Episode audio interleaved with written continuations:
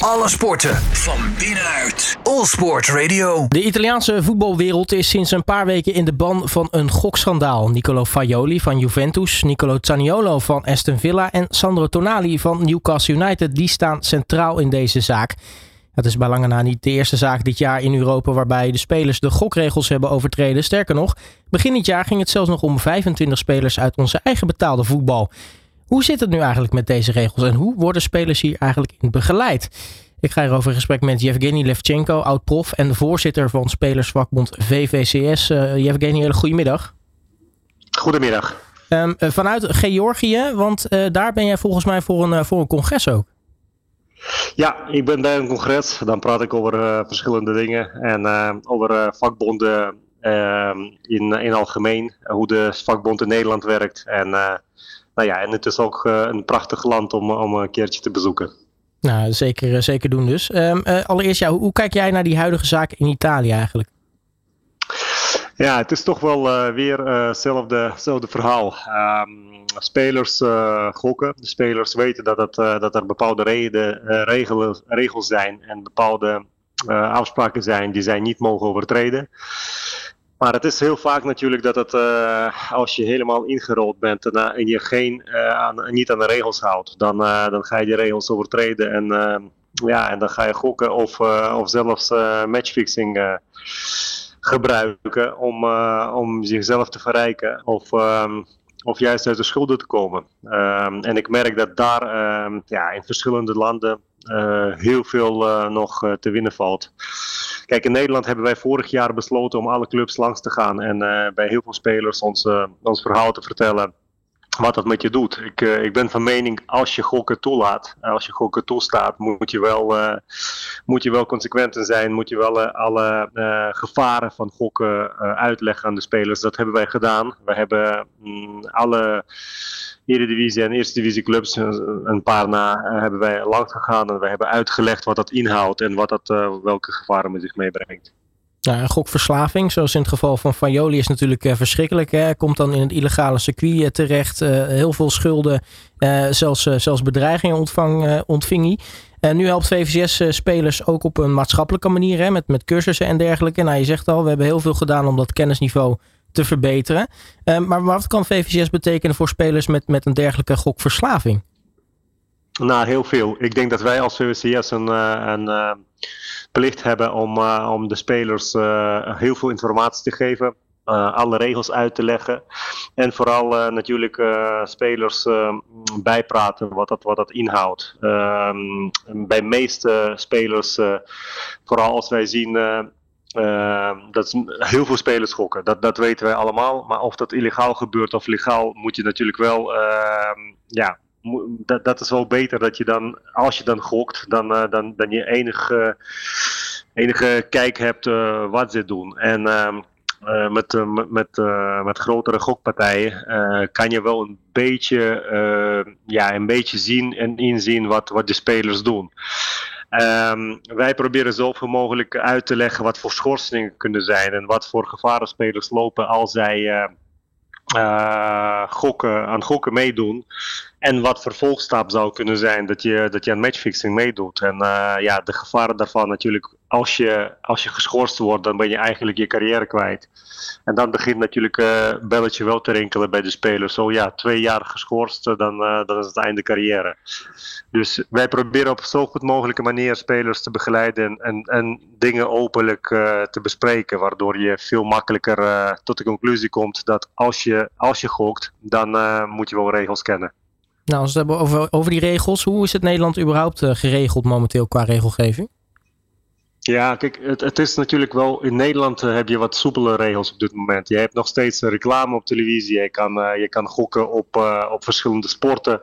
Maar in sommige landen, sporters mogen, voetballers bijvoorbeeld, mogen niet gokken op geen enkele sport. En uh, dat is wel rigoureus natuurlijk, want uh, dan, dan, dan, ben je, um, ja, dan kan je eigenlijk uh, helemaal niet inzetten, wat op zich wel kan ik wel begrijpen. Alleen in Nederland kan je bijvoorbeeld nog steeds gokken op Engelse Premier League. Um, er zijn wel een paar, paar uitzonderingen, bijvoorbeeld als stel dat je in de eerste helft van het seizoen hebt gespeeld in de Engelse Premier League.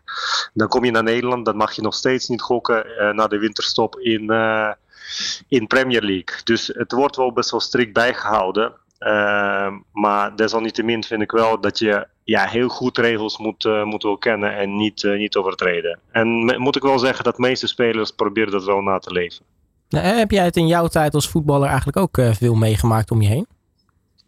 Ik heb het wel meegemaakt. Ik heb nog illegale circuit uh, meegemaakt. Ik was nooit eigenlijk van gokken, maar ik, uh, ik heb wel zeker spelers uh, meegemaakt in, in mijn team die bijvoorbeeld na een paar dagen to, toen zij salaris hebben ontvangen al geen salaris hadden.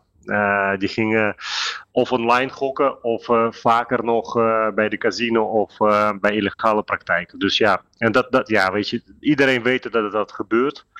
En één is wel wat meer uh, ja, vaartbaar dan, dan de andere. Maar uh, je hebt wel spelers meegemaakt die absoluut een, uh, een hulp uh, nodig hebben of hadden. En nu nog steeds heb je spelers die, ja, die best wel veel vergokken.